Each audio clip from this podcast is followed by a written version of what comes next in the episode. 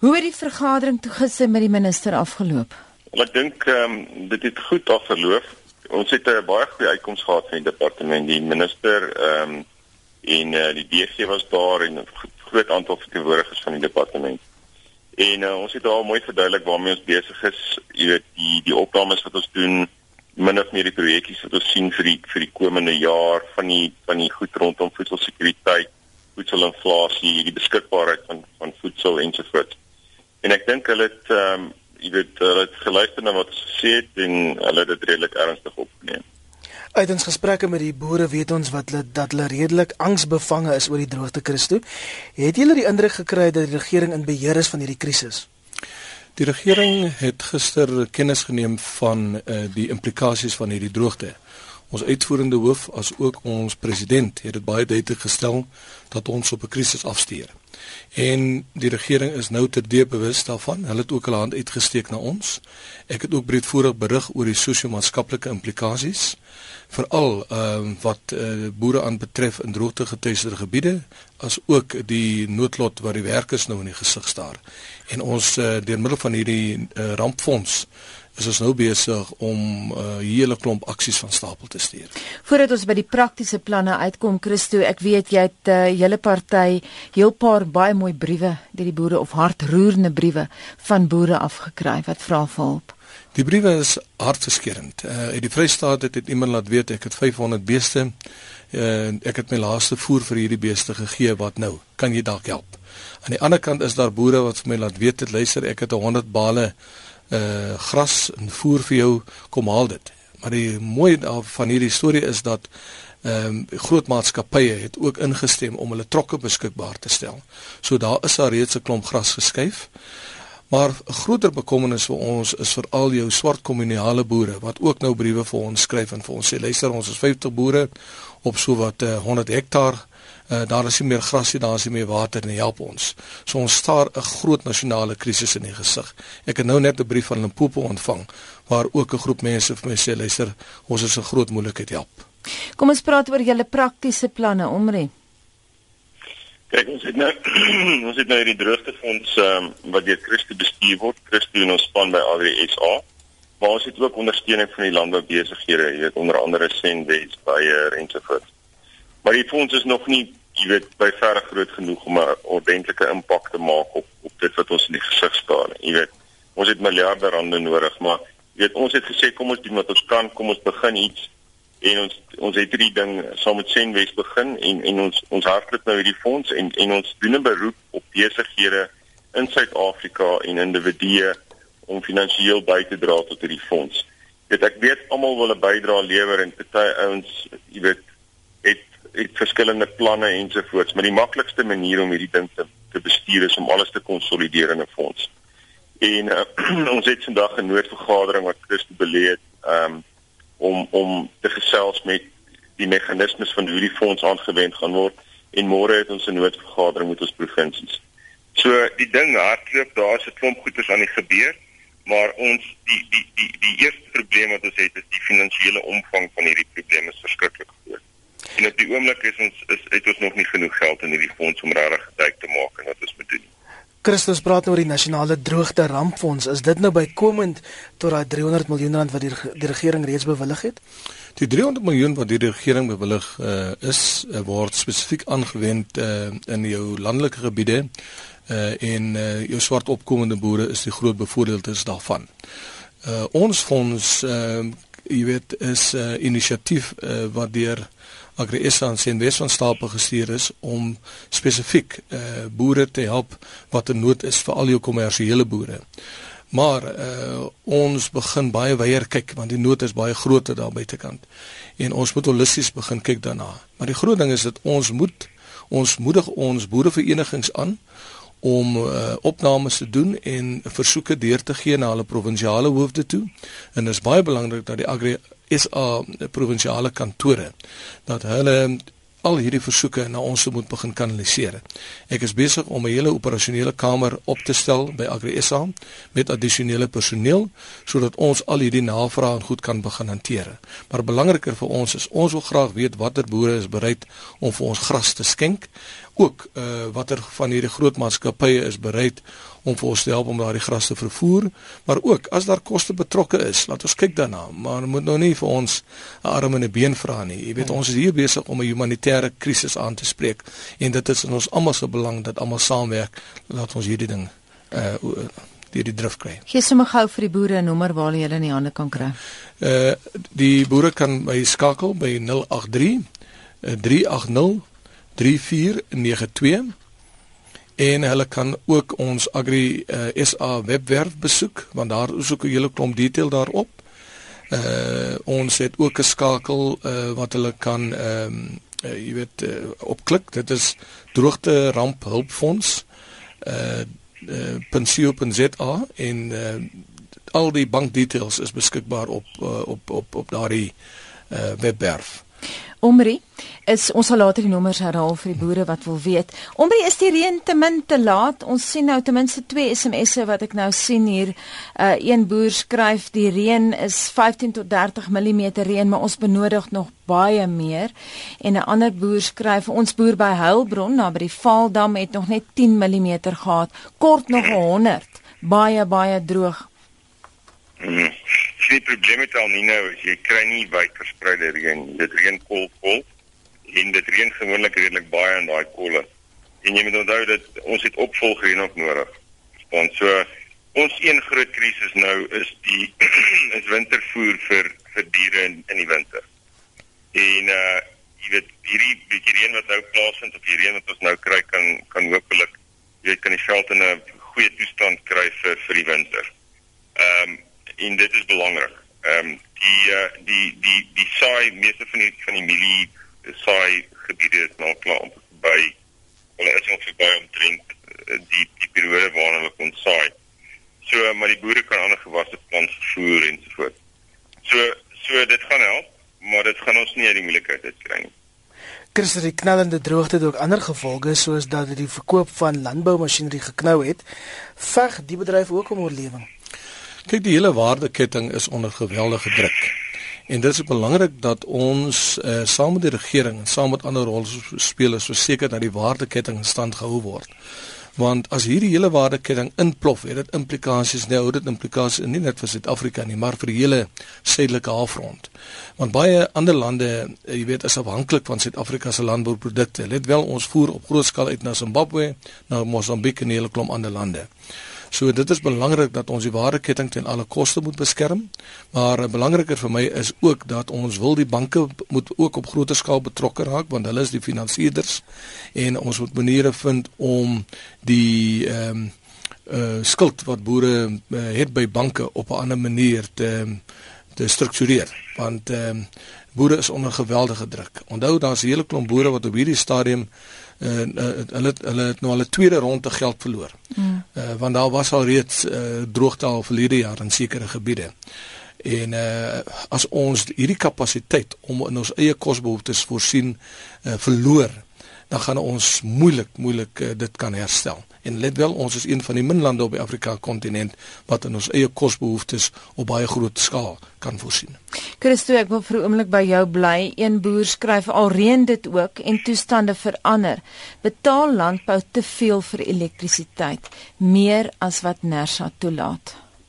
Ek dink dit is 'n aangeleentheid wat uh, my uitvoerende hoof uh, sal, jy weet, baie beslis sal opneem en hy sal ook daaroor kan uitbrei en um, ons moet die oorhoofse kostes op hierdie stadium afbring.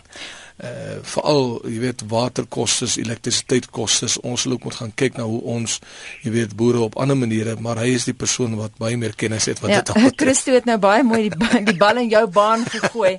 Wat wil jy sê daaroor Omri?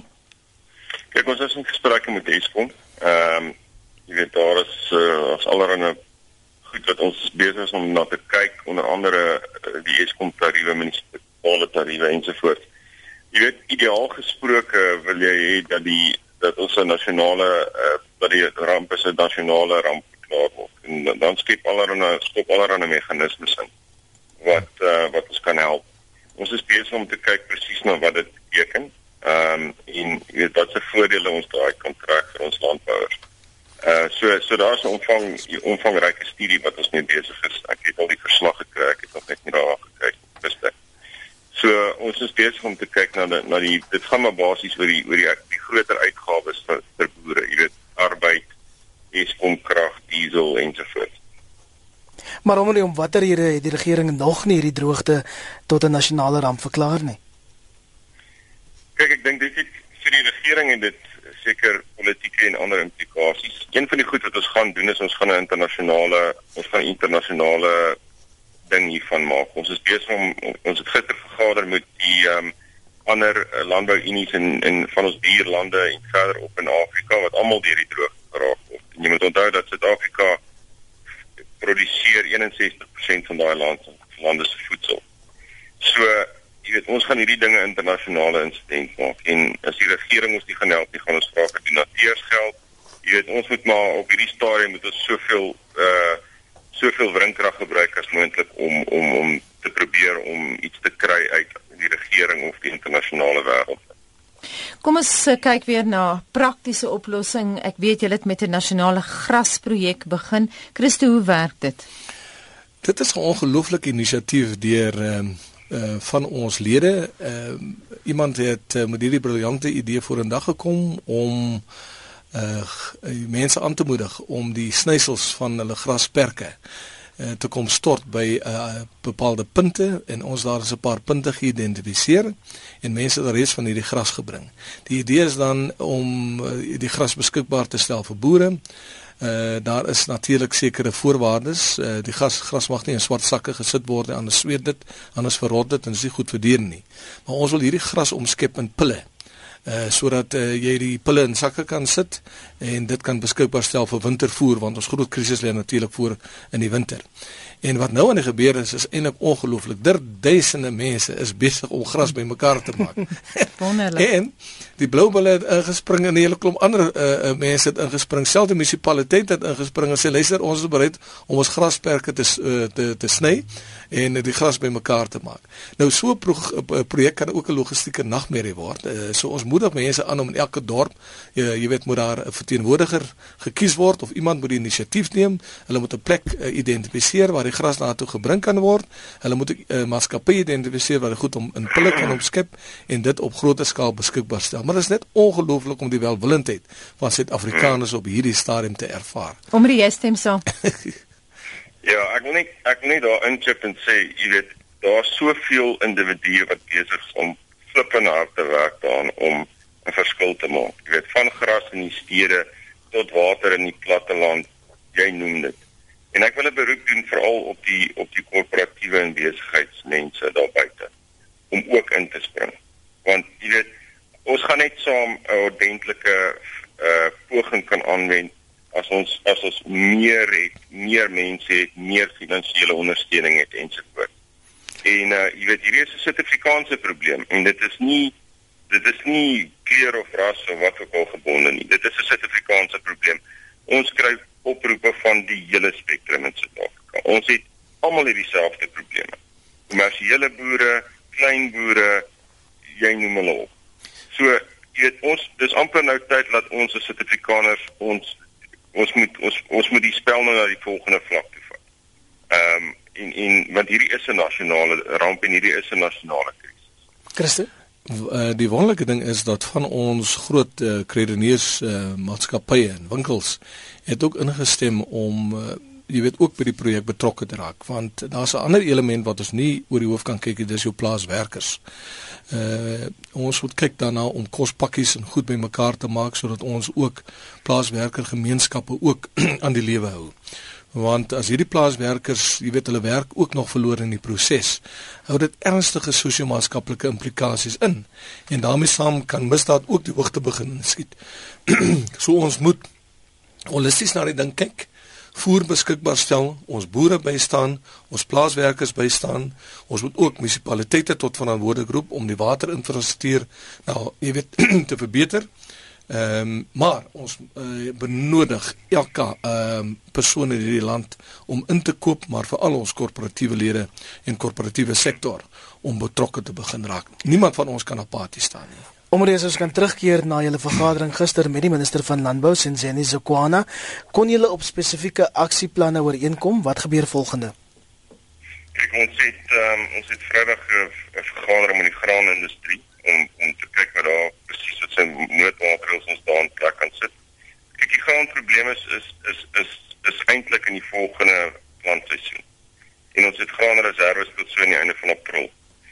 So dit is die volgende stap en dan die, die volgende groot ding is is is die die bekendmaking van ons navorsing rondom die praktiese implikasies van die droogte. Jy weet hier is nie 'n filosofiese probleem nie, hier is 'n probleem.